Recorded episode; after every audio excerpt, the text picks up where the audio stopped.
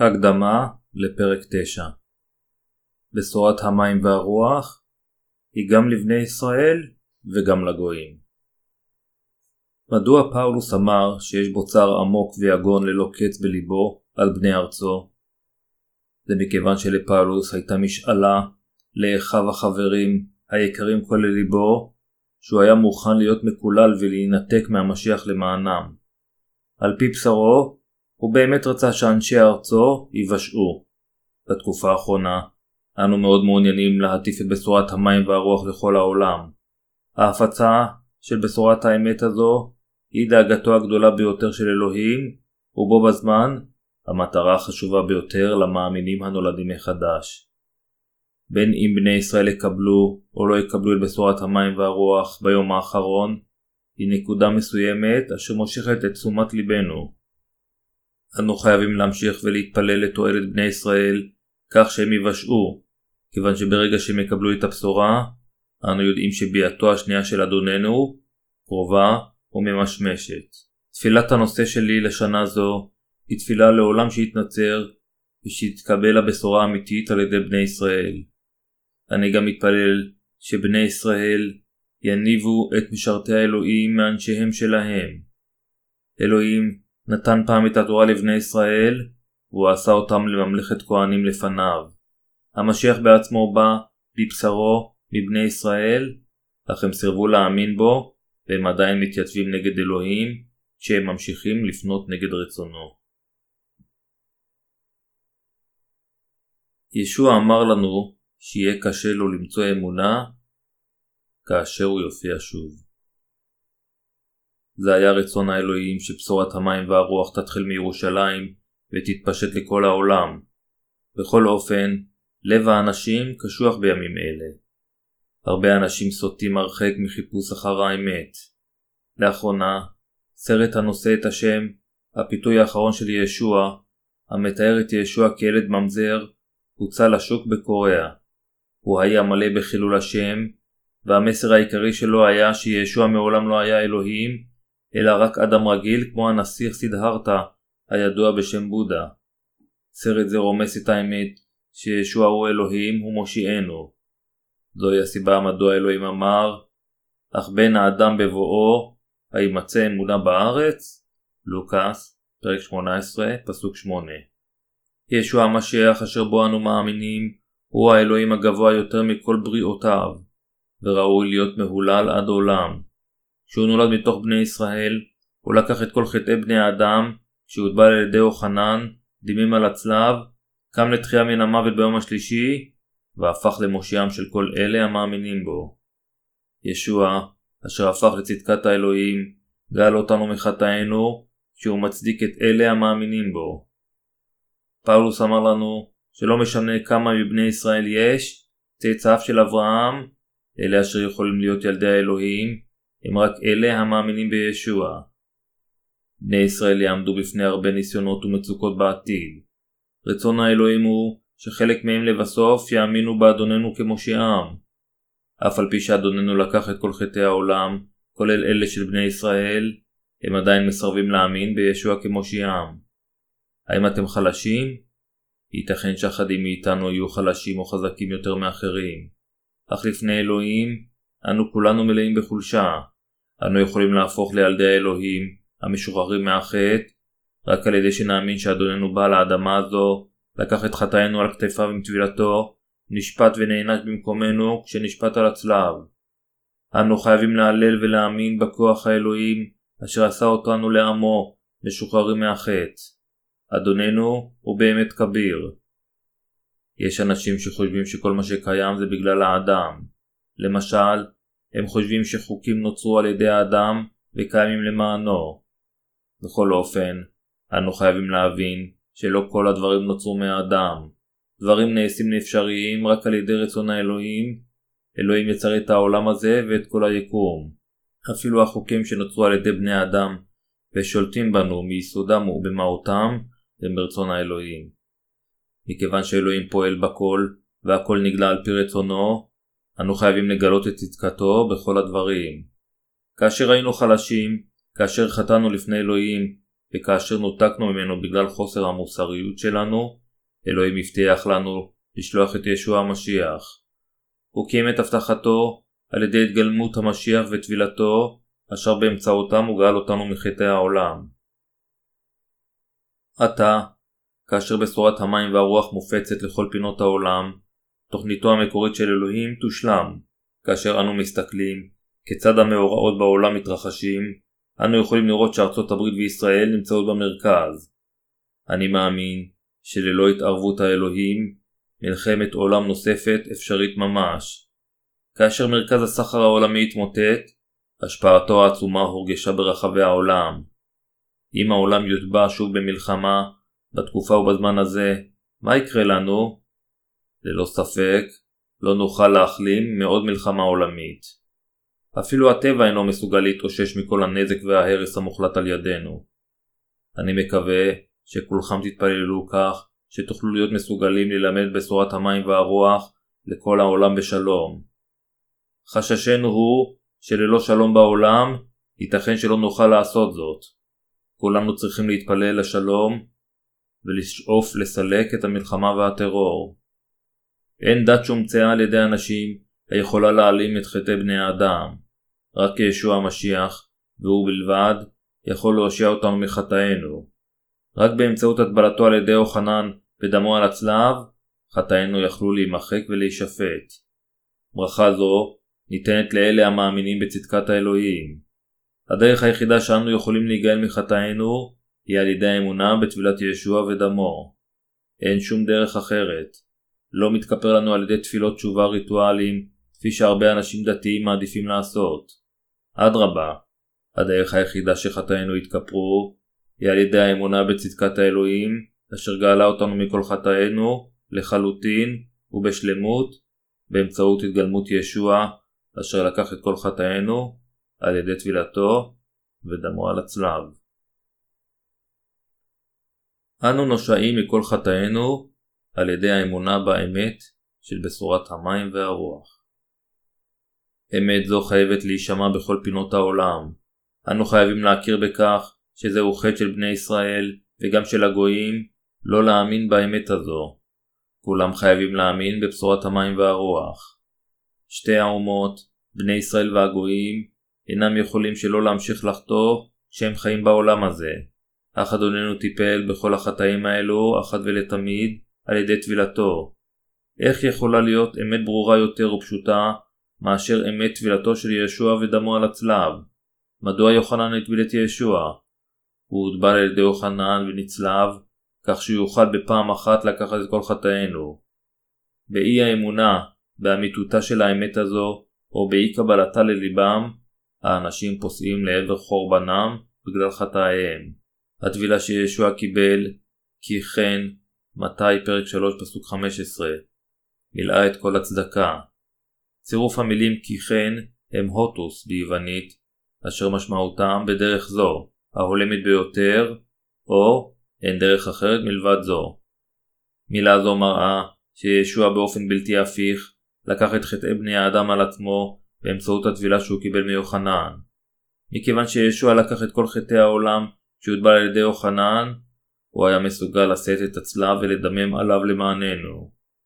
אנו חייבים להבין שזוהי אמת הכפרה, אשר באמצעותה כל הגזע האנושי יכול להיגאל מחטאיו. אדוננו אמר לנו, אם תעמדו בדברי, באמת תלמידי אתם, וידעתם את האמת, והאמת תשימכם לבני חורים. תפילת ישוע ודמו הם אמת אלוהית אשר הושיע אותנו מכל חטאינו. זה לגמרי מבוסס על דבר האל הכתוב. אמת הכפרה תימשך עם בשורת המים והרוח לנצח. זה שאלוהים האב החליט לכפר על החוטאים, על טבילת ישוע ודמו על הצלב, זהו רצונו.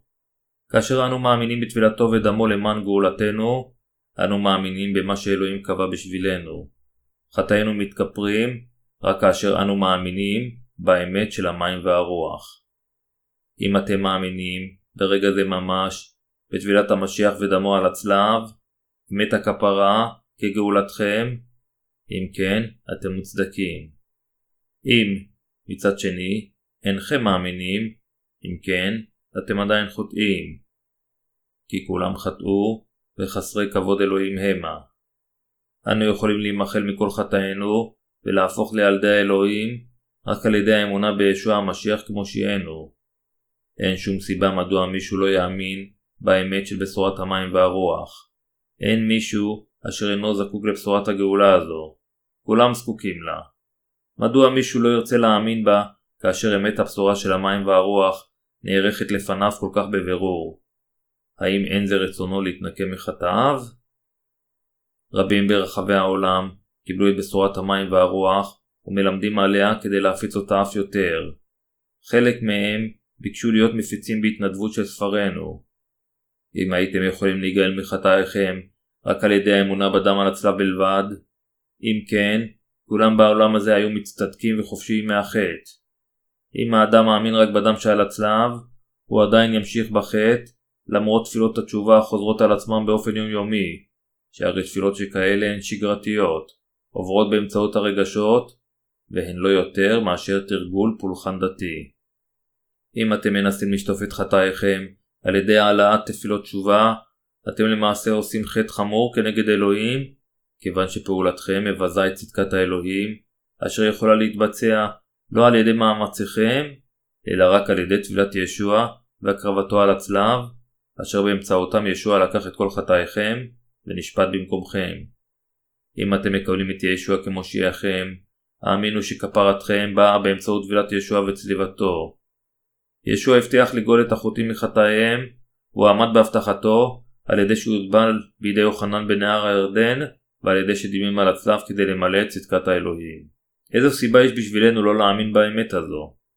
אתם חייבים להאמין בטבילת ישוע ושפיכת דמו על הצלב כגאולתכם. האמת שישוע לקח את כל חטאי העולם על עצמו כאשר הוטבל נמצאת במתי, פרק 3, פסוקים 13-17. רק אלה אשר אינם רוצים להימחל מכל חטאיהם יסרבו להאמין באמת הזו. אתם יכולים להפוך לילדי האלוהים ולקבל חיי נצח רק על ידי האמונה באמת שבצורת המים והרוח. שום דבר אחר לא יגאל אתכם מחטאיכם. אין דבר הנפלא יותר מאשר האמונה באמת הזו, אין שום מתנה אחרת מאלוהים הטובה יותר ממחילתו. מתוך הרבה מתנות שאלוהים העניק לנו, כפרת חטאינו היא המתנה הטובה ביותר. המתנה השנייה הטובה ביותר שאלוהים נתן לנו היא מלכות אלף השנים אשר אנו נשלוט בה, והמתנה השלישית לאחריה היא שאנו נחיה במלכות השמיים ונשלוט יחד עם אלוהים לנצח. אלוהים אפשר, אפילו בתקופה האחרונה הזו, לאמת הגאולה הזו להיגלות גם לבני ישראל וגם לגויים. כפי שנחזה בכתבי הקודש, שני משרתי אלוהים יקומו מתוך בני ישראל, ואלוהים יעשה ניסים נפלאים של הבשורה באמצעותם. בני ישראל ישמעו את בשורת המים והרוח משני המשרתים, אשר אלוהים הקים מתוך עמם, והרבה יאמינו בישוע כמשיחם. אנו מחכים ליום הזה, כפי שיוחנן חיכה וביקש. בוא ענה האדון ישוע. חזון יוחנן, פרק 22, פסוק 20. כאשר יגיע הזמן של ישוע לחזור, אתם תבינו עד כמה אסירי תודה אתם על שהאמנתם באמת הזו, אשר באמצעותה נמחה לכם ונושעתם. רצון ליבי העמוק הוא שתגאלו מכל חטאיכם על ידי האמונה באמת של בשורת המים והרוח. העולם יכול להשתנות, אך בשורת המים והרוח, אשר באמצעותה אלוהים מושיע אותנו מחטאינו, לעולם אינה משתנה, והיא אמת נצחית. אנו חייבים להאמין באמת הזו, כדי לקבל את ישועת הכפרה שאינה משתנה. יהי רצון שאמת גאולת האלוהים תהיה שלכם. אלוהים הושיע אותנו על ידי שעשנו לכלי רחמים. אל הרומים, פרק 9, כותב שאלוהים מושיע את יעקב מכיוון שאהב אותו יותר מעשיו. לפיכך, יעקב נעשה ככלי הרחמים, בעוד עשיו נעשה לכלי הזעם. זה מעלה את השאלה מדוע, כלומר, האם אלוהים העדיף את יעקב על פני עשיו? ללא ספק יהיו הרבה אנשים אשר יטענו, מכיוון שאלוהים באופן חד צדדי ומפלה בחר לאהוב אדם אחד ולשנוא את האחר ללא תנאי, יהודו ובחירתו אינם צודקים. כאשר אנו מסתכלים על העולם אשר נוצר על ידי אלוהים, אנו יכולים לראות עד כמה יפה וטהורה היא בריאתו. צמחים, חיות וכל שאר הדברים אשר נוצרו על ידי אלוהים נראים כה מושלמים. כיצד אם כן יכול אלוהים לאהוב אדם אחד ולשנוא את האחר מתוך אפליה? אך זהו אינו המקרה. בגלל אי ציותם של אדם וחווה, החטא בא לעולם, ובגלל חטא זה, כל אלה שבאו לאחריהם נועדו להמשיך לחטוא ולא היו מסוגלים להימנע מלהיות מורשעים לגיהנום. רק מכיוון שאלוהים הושיע את יעקב מהחטאים ולא גאל את עשיו, אין זה מערב אותו בשום מעשה עוולה. בעיניו, לאלוהים היו את כל הסיבות לעשות כן. אנו יכולים למצוא הרבה אשר מתנהגים כמו עשיו בקהילה הנוצרית. בצורה אופיינית, אנשים כאלו לעולם לא יחמצו תפילה, לא משנה מתי או היכן היא תיארך, מתפילת בוקר מוקדמת ועד תפילת לילה מאוחרת. ייתכן שאחדים יבלו יותר זמן בכנסייה מאשר בבית, נוסעים בקביעות מהעבודה לכנסייה ולא לבית. אנו יכולים לקרוא להם אצנים דתיים. מתוכם, בכל אופן, ישנם הרבה אשר לא לוקחים ברצינות את צדקת האלוהים. זה מכיוון שהם מנסים ליצור צדיקות משל עצמם, ובעשותם כן, הם מתעלמים מצדקת האלוהים. אפילו אלה אשר מתעלמים מצדקת האלוהים, עדיין רוצים ללכת לגן עדן ולהימחל מחטאיהם. אך הם מתאמצים בניסיונם להקים את צדקותם העצמית לפני אלוהים ולפני אנשים אחרים, ולא מנסים להיוושע מכל חטאיהם. אלוהים אמר לאלה אשר לא מאמינים בצדקתו, שהאמונה בצדקת האלוהים היא לא לכולם. איזה סוג של אנשים אם כן יכול להאמין בצדקת האלוהים? אלו הם האנשים אשר מכירים בטבעם החוטא, אשר, במוחם, מבינים שהם אינם שווים דבר. הם סוג האנשים אשר, כאשר הם מגלים את צדקת האלוהים באמצעות כפרתו הנראית בבשורת המים והרוח, מאמינים בה מיידית וחוזרים לתהילת האלוהים. זה שאנו מאמינים בצדקת האלוהים ולפיכך נושעים, המשמעות היא שאנו אנשים עלובים אשר זקוקים לצדקת האלוהים. אחרת, ייגזר עלינו לחיות בחטא במשך כל חיינו. אך אלה הרודפים אחר צדקתם העצמית לפני אלוהים, הם אלה היהירים. אדם כזה יכול להגיד, ישוע, נתתי לך עשירית, נשארתי ער כל הלילה והתפללתי אליך. מעולם לא החמצתי תפילת בוקר מוקדמת בעשר שנים האחרונות, ועשיתי מעשים טובים בשבילך. בכל אופן, אלוהים יהיה יותר שבע רצון, אם הוא היה מכיר שאין בו צדיקות כלל, ולכן עליו להאמין בצדקת האלוהים באמצעות הכפרה של המים והרוח, יותר מאשר לנסות להוכיח על ידי מאמציו משהו שאין לו ולא יכול להיות לו. אפילו עתה, בקהילה הנוצרית, ישנם הרבה אנשים אשר עושים את כל סוגי הדברים בניסיון להרוץ את צדיקותם העצמית. ישנם אפילו כאלה שבמסירותם עושים כדבריהם. אך מכיוון שהם אינם מאמינים בצדקת האלוהים הנראית באמצעות בשורת המים והרוח, חטאיהם לא נשטפו לגמרי. אלוהים יקבע את סופם. אנו כולנו מקווים שהם יהפכו לילדיו האמיתיים של אלוהים באמצעות מחילת החטאים על ידי אמונתם בטבילת ישוע ובדם כאמת של הכפרה. בכלי הישועה, פאולוס השליח אמר שאלוהים חומל על מי שיש לו חמלה ומרחם על מי שיש לו רחמים. מי אם כן הם האנשים המקבלים את רחמי האלוהים? כל בני האנוש אינם יכולים לחיות על פי דברי האל, אף על פי שהם באמת רוצים לנהוג על פיהם. הם נכשלים שוב ושוב, למרות רצונם האמיתי להאמין ולחיות על פי דברו. לבסוף, הם מצטערים לפני אלוהים, מלאי תחושות אשמה, וחושבים שמגיע להם גזר דין של גיהנום.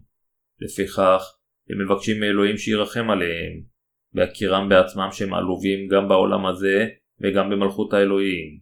מכיוון שהם יודעים שהם אינם יכולים להיוושע, אלא אם כן אלוהים ירחם עליהם, הם בנואשות מבקשים זאת ממנו. הגאולה מחטאים במילים אחרות נמצאת באלה אשר אלוהים חומל ועל אלה אשר הוא מרחם. למען אנשים אלה אלוהים העניק את בשורת המים והרוח על ידי שבנו היחידי לקח את כל החטאים על עצמו עם טבילתו, מת על הצלב וקם לתחייה מן המוות. הכל כדי לגאלם מחורבנם הבטוח. אבינו מרחם על אלה אשר מעוררים חמלה. אך נראה שבעולם הזה יש יותר אנשים שאלוהים זוהים עליהם מאשר אנשים שהוא מרחם עליהם.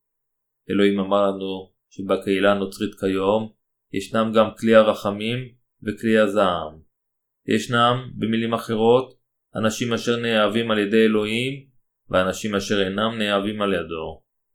אל הרומים, פרק 9 פסוק 17 אומר לנו כי כן הכתוב אומר לפרעה בעבור זאת העמדתיך בעבור הראותיך את כוחי ולמען ספר שמי בכל הארץ. אלוהים אפשר לאנשים כמו פרעה להתרומם כך שכוחו יהיה ידוע.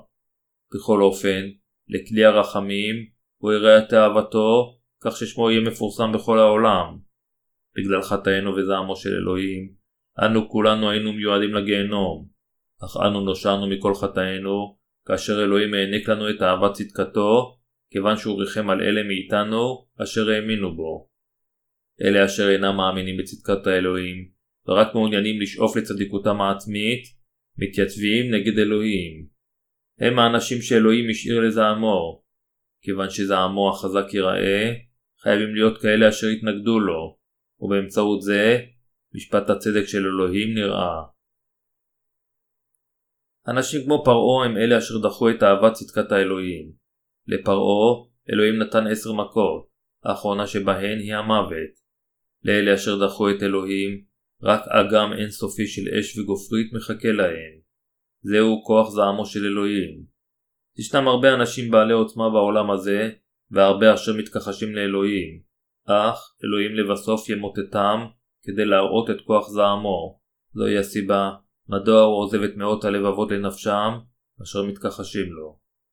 מה שחשוב בשבילנו, אם כן, זה כיצד אנו יכולים להפוך לכלי הרחמים, כיוון שעל ידי שנהפוך לכאלה, אנו נוכל להאמין באהבת צדקת האלוהים. אין לנו דבר להראות לפני אלוהים. אדרבה, אנו נולדנו כדי להאמין באהבת צדקתו. התנ"ך מספר לנו סיפור על מוכס ופרוש המתפללים לפני אלוהים. אלוהים ריחם על הראשון, בעוד שהוא כלל לא ריחם על האחרון.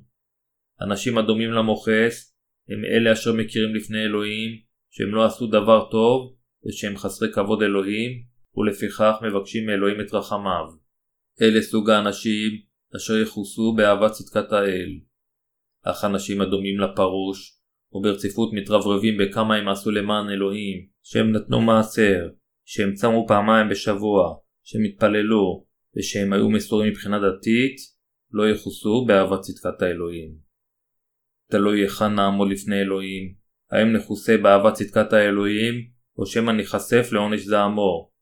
אם נקשה את ליבנו לפני אלוהים, חטאינו יישארו לעולם בלתי נסלחים. ללא מחילה, גורלנו יהיה גיהנום. בשורת המים והרוח מוטפת בכל רחבי העולם. אלה אשר לא נושעו, נשארו לא נושעים מכיוון שליבם קשה. אין שום דבר צדיק בבן אנוש, ורק על ידי האמונה אנו יכולים להתכסות באהבת האלוהים.